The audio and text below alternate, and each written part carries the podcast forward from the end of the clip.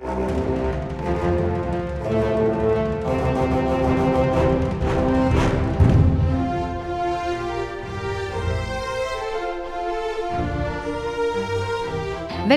til Frankrike forklart, en podkast der du får svar på alt du lurer på om Frankrike.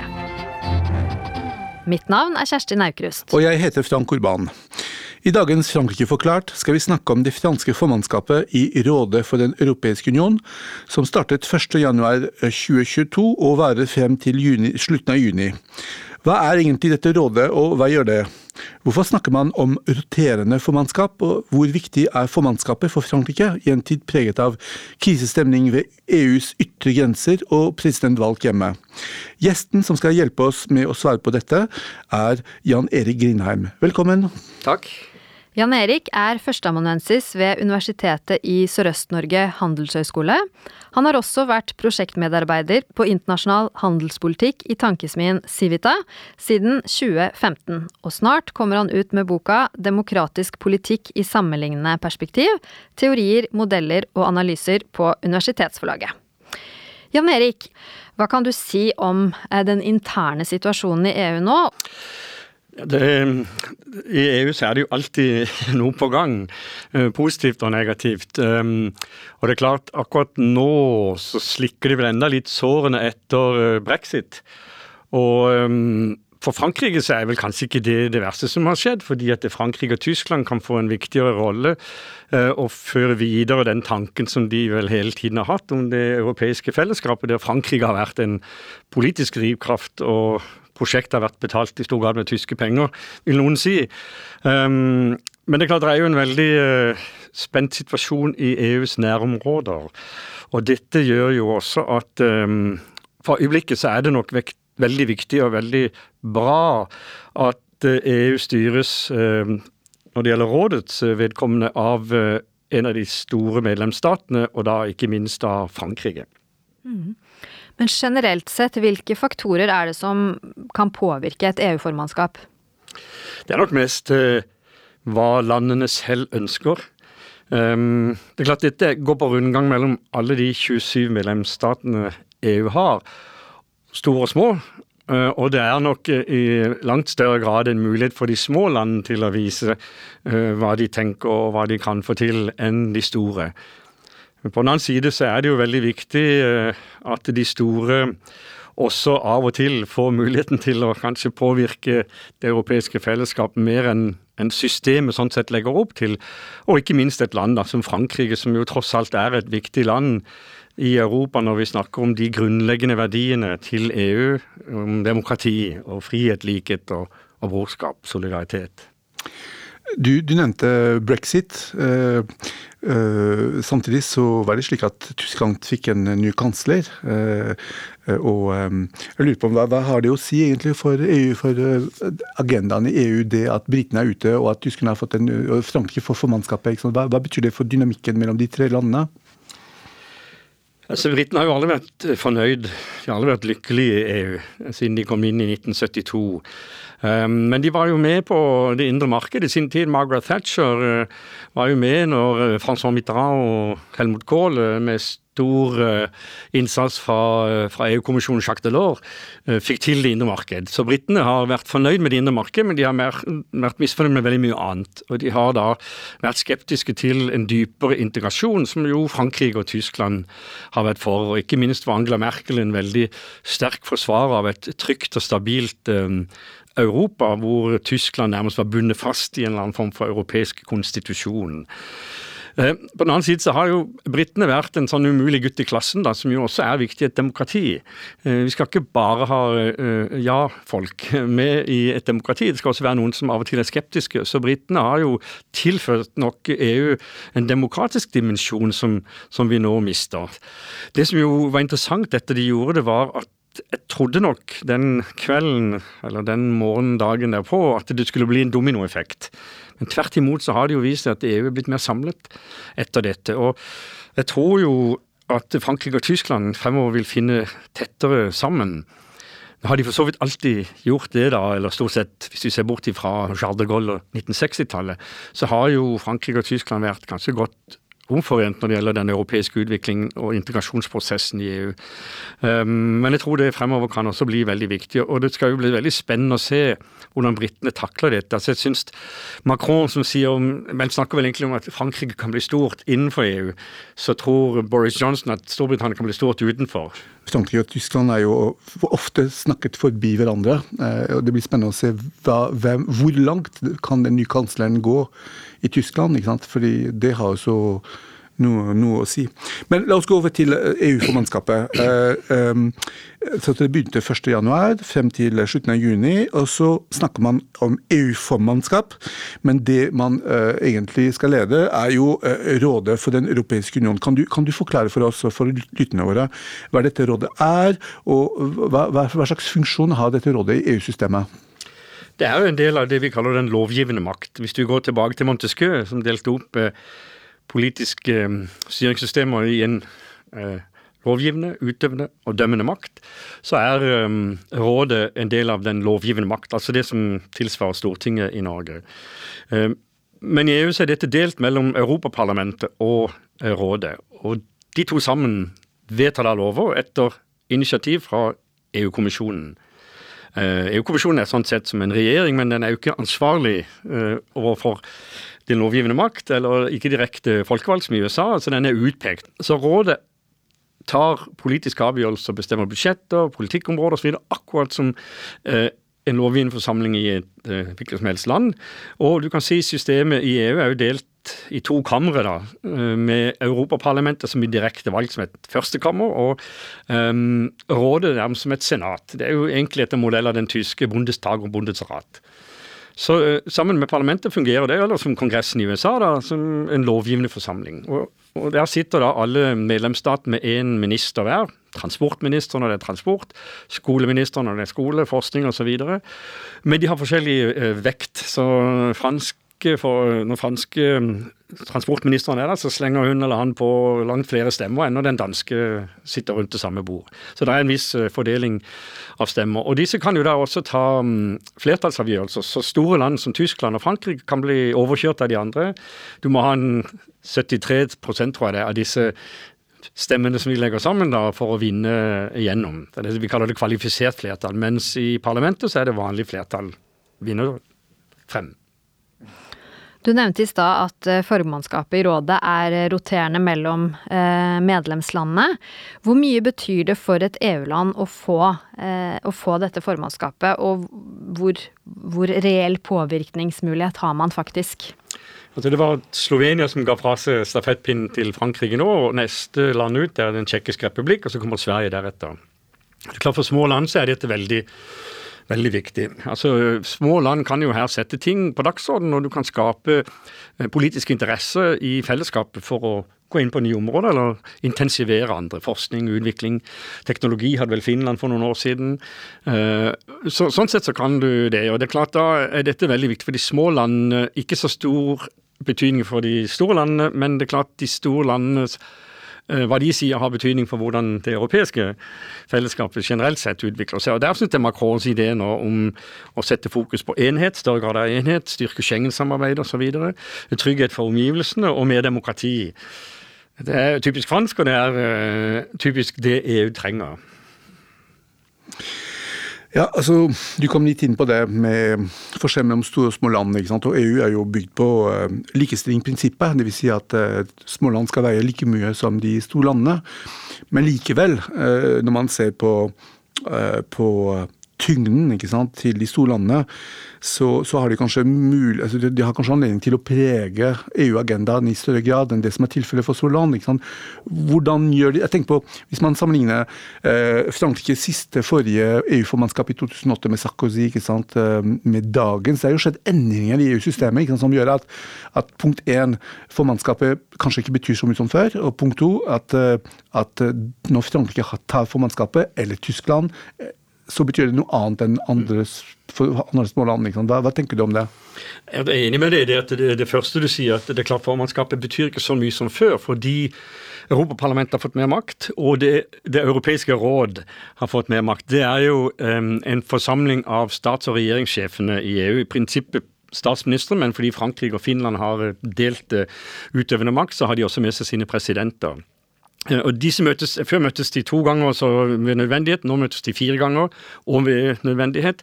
Men de har ingen beslutningsmyndighet. De kan bare sette en dagsorden, snakke om strategier for fremtiden. Men det er klart, når stats- og regjeringssjefen gjennom Det europeiske råd har fått uh, mer makt, og parlamentet eller ikke fått mer makt, men de setter i større grad kanskje dagsorden, og parlamentet har fått mer makt, og i dag tar vi altså sammen med rådet, som før tok disse ja, egentlig på egen hånd fram til 1979, da, da vi fikk et direkte folkevalgt parlament, så har rådets betydning avtatt. Men, men, samtidig så er det jo der, um, der, medlemsstatene sitter og forhandler, og selv om du kan ta avgjørelser med såkalt kvalifisert flertall, så prøver de alltid å få frem en konsensus. Så det er nok fremdeles det viktigste um, møtestedet for å få til politiske kompromisser og løsninger. Eh, og så er det jo slik i EU da, at eh, alle snakker med alle. Det er derfor det er så mange eh, gode lunsjrestauranter i, i Brussel. At du snakker med alle, og, og, det er ingen som fremmer en sak uten at den har vært kjørt nærmest på sjekk i alle de andre institusjonene. Så Kommisjonen vil ikke føre frem et forslag om lovendring hvis ikke de vet at de store landene er med, og hvis ikke de vet at parlamentet er med på laget. Programmet for det franske formannskapet det er et svært dokument på 75 sider med den velklingende tittelen 'Recovery, Strength and a Sense of Belonging'. Frank, du har det med deg her. Mm. Kan, du, kan du blafre litt eh, med det, så vi hører? Det er et imponerende dokument. Det er et imponerende dokument. Jeg regner med at du har lest det fra perm til perm, ja. Jan Erik. Hva vil du si er de viktigste punktene i dette programmet? Jeg syns det viktigste er at en, en person som Macron, da, en president som Macron, i et land som Frankrike setter dette med enhet og styrke og demokrati på dagsorden. Du kan si det, Noen vil si det er tomme ord, men, men det er jo det er viktig å, å, minne politikere på et demokratisk sinnelag. Og um, Macron tok det kanskje litt langt. for når de overtok formannskapet 1.1 i år, så lyste han opp Eiffeltårnet i EU-flagget. Og Det falt ikke alle franske borgere så godt for brystet. Så, så, han burde kanskje hatt uh, alternerende med det franske flagget. Men han er jo en, en troende europeer. Eiffeltårnet, ja, men Triumfbyen var jo litt verre. ja, ja. Så, så, det er klart han er jo en troende europeer, og, og det er jo ikke dermed sagt at ikke han er veldig fransk og veldig opptatt av fransk uh, storhet. og og, og, det som jo vi ofte forbinder med Frankrike, både positivt og negativt. Men hvis du, legger, hvis du går gjennom de tre punktene, ikke sant? recovery det er jo gjenoppbygging etter mm. covid-krisen. ikke sant? Mm. Strength det er jo på en måte Man kan oversettes på mange måter, men mm. det er jo innflytelse eller makt. Altså, altså sense of belonging, det er på en måte tilhørighet. Kan, kan, du gå gjennom det? ikke sant? Hva, hva, hva, legges, hva ligger i de tre begrepene? Hva, vil man? Det første og det siste er nok ganske enkelt. da. Eh, Macron vil med det første styrke de institusjoner og de avtaler som finnes, f.eks. Schengen, som også Norge er en del av, som finnes for å skape enhet i EU. De vil han styrke. Og de vil han øh, kanskje gå gjennom og evaluere og se kan vi gjøre de bedre, kan vi endre øh, for at det skal bli mer enhet. Og Det er absolutt nødvendig etter covid-19, og det er alltid nødvendig å gjøre det i det europeiske fellesskap. Det siste er også like naturlig, dette å øke den demokratiske legitimiteten til et prosjekt som langt på vei jo har vært et top down, et eliteprosjekt. Ikke minst fordi det var ideen til Jean Monnet eh, da du etablerte dette på 1950-tallet, at vi steg for steg må ta det litt rolig og prøve å få dette til å gå i hop, eh, og så hoppe en spillover-effekt til, til demokratiet. Den som er litt utfordrende, er jo den midterste, da, fordi dette med å styrke makten til EU. Um, så det å skulle skal vi si, styrke, hvis det er noe av det som ligger i dette, da, styrke EUs militærmakt og felles slagkraft, så, så ser jeg kanskje nødvendigheten av det, men jeg syns det er ufattelig trist. Det jeg håper vil bli lagt sterkest vekt på her, det er, jo, det er jo det som vi ser at Macron også har snakket om, at dialog med omverdenen er veldig viktig. Dialog med kanskje politiske ledere som ikke har den samme demokratiske sinnelag som, som ham og som EU, at det, det er likevel det som fører mest fram. Så, så um, jeg håper at det, det, er den demokratiske logikken eh, til EU og de demokratiske verdier til EU, som Macron så har lagt veldig vekt på, som han la veldig vekt på i sin tale i 2017, var det vel på Sorbonne, uh, at det er det vi må styrke med det europeiske fellesskapet, og troen på demokratiet. Mm. Det er mulig at jeg har en litt annen tolkning av, av teksten enn deg. For jeg ser også på det som, som et svar på uh, en, altså fremveksten av populisme i Europa. Altså at uh, De tre punktene den første går på, på gjenoppbygging av altså det, hvordan landet skal komme gjennom covid-krisen økonomisk. ikke sant, Og at den modellen, den liberale modellen som, som har vært på en måte grunnpilaren i EU, ikke kan fortsette uten endring. Fordi at, eh, fordi at uh, innbyggerne i EU vil ikke ha det sånn. ikke sant, og Samme når det gjelder sense of belonging, altså den tilhørighetsfølelsen. Det er jo på en måte hvordan kan man styrke støtten til EU som prosjekt, mm. fordi at populismen i de ulike landene har jo undergravet på en måte den støtten. Og når det gjelder den Eh, den midterste, ikke sånn strength, handler jo også om realpolitikk. Dvs. Si at EU eh, e må jo ha noe å si. ikke sant, kan, EU kan ikke, EU-landet kan ikke bare godta å bli, å bli diktert av andre stormakter. ikke sant, og Vi er i en verden hvor, hvor stormakter øker, ikke sant, og hvor man er nødt til å definere seg. Så, så og, og, og, og, Macron har jo snakket uh, i prosjekt, i, i den i sin tale eh, i 2017 og i en artikkel i 2019 så snakket om en, en europeisk suverenitet. Det er også et svar på populismen, mm. som snakker om nasjonal suverenitet. Mm. Så, så, er dette ikke er dette et forsøk på pragmatisme, mer pragmatisme, mer realisme, eh, og kanskje litt bort fra eh, en litt sånn naiv tanke om, om fellesskapet, mm. som, som sliter med å få støtte fra opinionen? Altså, du kan jo si den, den, den, franske ideen om demos er jo mer eh, pragmatisk enn den tyske etnos, kanskje, hvis du tar, går tilbake til 1800-tallet og hvordan de, de, europeiske nasjonalstater ble utviklet. og Ideen om at du kan bli fransk statsborger hvis du, hvis du retter deg etter noen hva skal vi si, idealer, den er jo veldig god. Men altså, realpolitikk, jo, altså definitivt. Eh, men det er jo der jeg, som sagt, jo eldre blir, jo mer blir liksom Alt som kan hindre at realpolitikken igjen kommer først i pannebrasken vår, syns det er bra. da. Og Der har jo etter min mening EU vært en veldig viktig um, et veldig viktig samarbeid for fred og frihet i Europa, og som også har skapt en fremgang. Um, så, så, er det jo da den, den, logikken som da jeg mener da at jeg syns Macron også øh, står for, da, er at du gjennom, gjennom, å vektlegge de grunnleggende verdiene om demokrati og menneskerettigheter og, og, og solidaritet osv. Du, du kan bli stor gjennom det også. Uh, så er det jo, Vi vet jo at Frankrike er en stor militærmakt, som Storbritannia. og Tyskland til en viss grad, men er mye mer um, motvillig. Uh, så, det er klart at realpolitikken er veldig viktig, og vi ser jo det nå, da, med stadig større utfordringer EUs, uh, i EUs nærområder. Men jeg føler likevel at, at Macron der er en sånn hva skal vi si, en formildende faktor på de strengeste realpolitikerne. Så Der er jeg også uh, veldig glad for at, uh, at vi har en sånn president i, i, Frankrike akkurat nå, som da sitter med formannskapet akkurat nå, når vi virkelig ser at uh, mye av den tankegangen er på prøve. Det med populisme er også interessant. Hvis du ser på nasjonalforsamlinger da, i de landene i Europa som har lang tradisjon for demokrati, og ser bort fra presidentvalget eh, forrige gang i Frankrike, så er det jo faktisk i de landene som har de best utviklede velferdsstater, at du har de sterkeste oppslutning om populistiske partier. Da snakker vi ikke om Polen Ungarn og Island, men vi ser altså på de nordiske landene, Norge, Sverige, Danmark, Finland Tyskland, Nederland, Italia, Østerrike.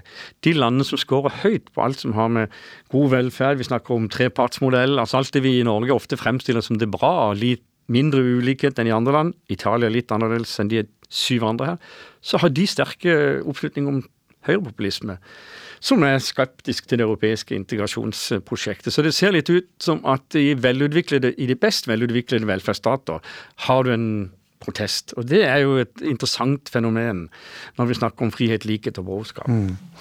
Hvis vi går tilbake til dokumentet som, eh, som vi nevnte, altså formannskapsdokumentet, så um, så er det eh, noe som er genuint fransk, og så er det noe som er på en måte oppfølging av pågående saker. Mm. Ikke minst fordi at systemet er jo lagt slik. Du nevnte selv at, at, du samarbeider med formannskapslandet fra forrige formannskap, mm. og så fra det kommende, fra neste formannskap.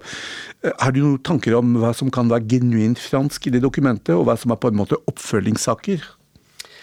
Altså Hvis vi går inn i detalj, da, så er det jo mye oppfølgingssaker. Men de settes inn i et sånn post-korona-behov for en grønnere omstillingsperspektiv. Men det, det, er egentlig altså Det har jo vært en sånn prosess også mellom 2017 og 2019 i Frankrike, som også ble spredd til andre europeiske land, om å involvere regioner i uh, en sånn høringsordning nærmest for å, forberede dette formannskapet. Uh, og jeg føler vel kanskje at en del av de tingene som tas opp her, er nokså tradisjonelt EU-vennlig. Det er en grønn omstilling, det er uh, satsing på forskning og utvikling, regional utvikling, også på landbruk og, og, og havbruk osv. Ta naturen med i bruk på en mer bærekraftig måte. Uh, men det som jo er styrken ved det, det er to ting. For det første er dokumentet og hele Hele hjemmesiden til dette formannskapet er veldig bra. Den informerer godt om prosessen i EU, den informerer godt om Frankrikes eh, posisjon på dette. Og For det andre så er det jo viktig når de store medlemslandene vektlegger de viktige tingene i uh, samarbeidet. Så jeg vil vel si at det er en langt mer kontinuitet enn det er nytenkning. Men det er veldig viktig at det, nettopp er det når et stort land har formannskapet. Og også når dette landet da tross alt ledes av en, en president som er veldig uh, europeisk uh, i sin tenke i sin tenkemåte. Dette formannskapet avsluttes eh, som nevnt i slutten av juni, og i april så avholdes presidentvalg i Frankrike. Hvis Macron vinner dette valget, så fortsetter han både som president i Frankrike og eh, for rådet. Dersom han taper, så kommer en ny president på plass senest 14. mai for å fullføre EU-formannskapet fram til da slutten av juni. Hvor problematisk eh, vil du si at denne kollisjonen mellom presidentvalget og, og EU-formannskapet er? Det er nok mest problematisk for Macron. For, for EU så, så, er nok dette så institusjonalisert. Og som sagt, denne troikaen av de som går ut, formannskap, og de som skal inn etter Frankrike, de jobber jo sammen. Og i Frankrike så har dette formannskapet vært veldig godt forberedt. Så, så, de føringene som ligger i dette dokumentet, de er nok uh, førende. Uh, og det vil få minimal betydning, tror jeg, for det formannskapet og dets renommé og ettermæle. Uh, hvem som da eventuelt sitter etter presidentvalget. Men for Macron så er det klart, du vinner ikke valg i noen av de europeiske nasjonalstatene på å være veldig glad i Europa. Samtidig så eh, trekker jo mange frem eh, dette med at, at, eh, Macron er en sånn profilert internasjonal leder som noe av det, det hans, altså hans sterkeste side, rett og slett. Så hvis han får skinne på den scenen der han er best, mm. akkurat i presidentvalget, er ikke det også fort, et fortrinn for han? Jo da, det er jo den franske presidentens oppgave er jo å være en skinnende stjerne utad. Så det er klart, klarer han det, eh, så, så, så lykkes han. Men Sjashin snakket om utenrikspolitikk. Når, uh, altså, dette formannskapet minner litt om uh, formannskapet til Sarkozy i 2008. ikke sant? Da hadde man Georgia-krisen, hvor, hvor Sarkozy dro til Russland og snakket med Putin. og, og, og, Macron reiste i år til Moskva for å snakke med Putin, denne gangen om Ukraina. ikke sant? Da han både Eh, da har han både EU-formannskapet, samtidig som han er fransk president, riktignok eh, i en valgperiode. Men, men det er ikke så det, hvem, er det, hvem er han egentlig når han drar til Moskva? Er han fransk president, eller er han representant for EU-landene? For Putin så er han nok en fransk president. Eh, selv så er han nok begge deler. Og for EU-landene så, så, tror jeg mange setter pris på at det er han som drar dit. For han er jo, han er jo bedre i dialog med sånne ledere som Putin enn mange andre. Så, sånn sett så tror jeg EU skal være glad. Jeg tror mange er glad for at det, det var han. Det kunne ha vært eh, Angela Merkel også. Det er klart, um, Tyskland har jo vært kanskje enda mer dialogorientert overfor Russland enn det Frankrike og resten av EU har vært. Men tross alt, hvis det skal være en representant for Frankrike, så tror jeg Macron er den rette. På slutten av hver episode ber vi vår gjest om å komme med en fransk anbefaling til våre lyttere. Hva er din anbefaling, Jan Erik? Ja, jeg er jo veldig glad i Frankrike. da, altså Om vinteren er det Chamonix, og om sommeren så er det stort sett alt det, det resterende. Så jeg vil anbefale, hvis det nå blir mulig, reis til eh, Frankrike. Ta en tur på ski i Chamonix. Frank, du har også en liten anbefaling? Eh, det har jeg, Kjerstin.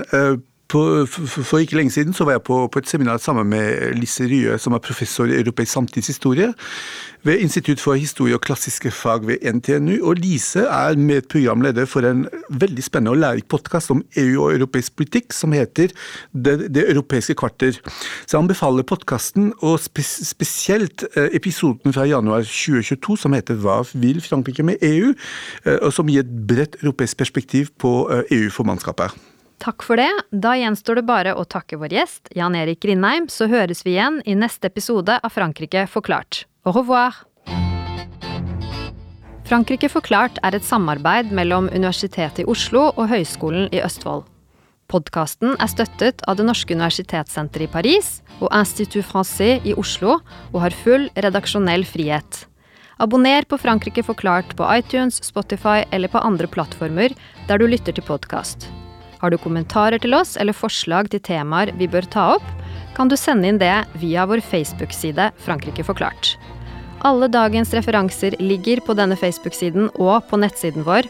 Vi skriver en kronikk i forbindelse med hver episode som belyser dagens tema fra en litt annen vinkel. Kronikken finner dere på forskning.no, Transitmagasin og på nettsiden vår.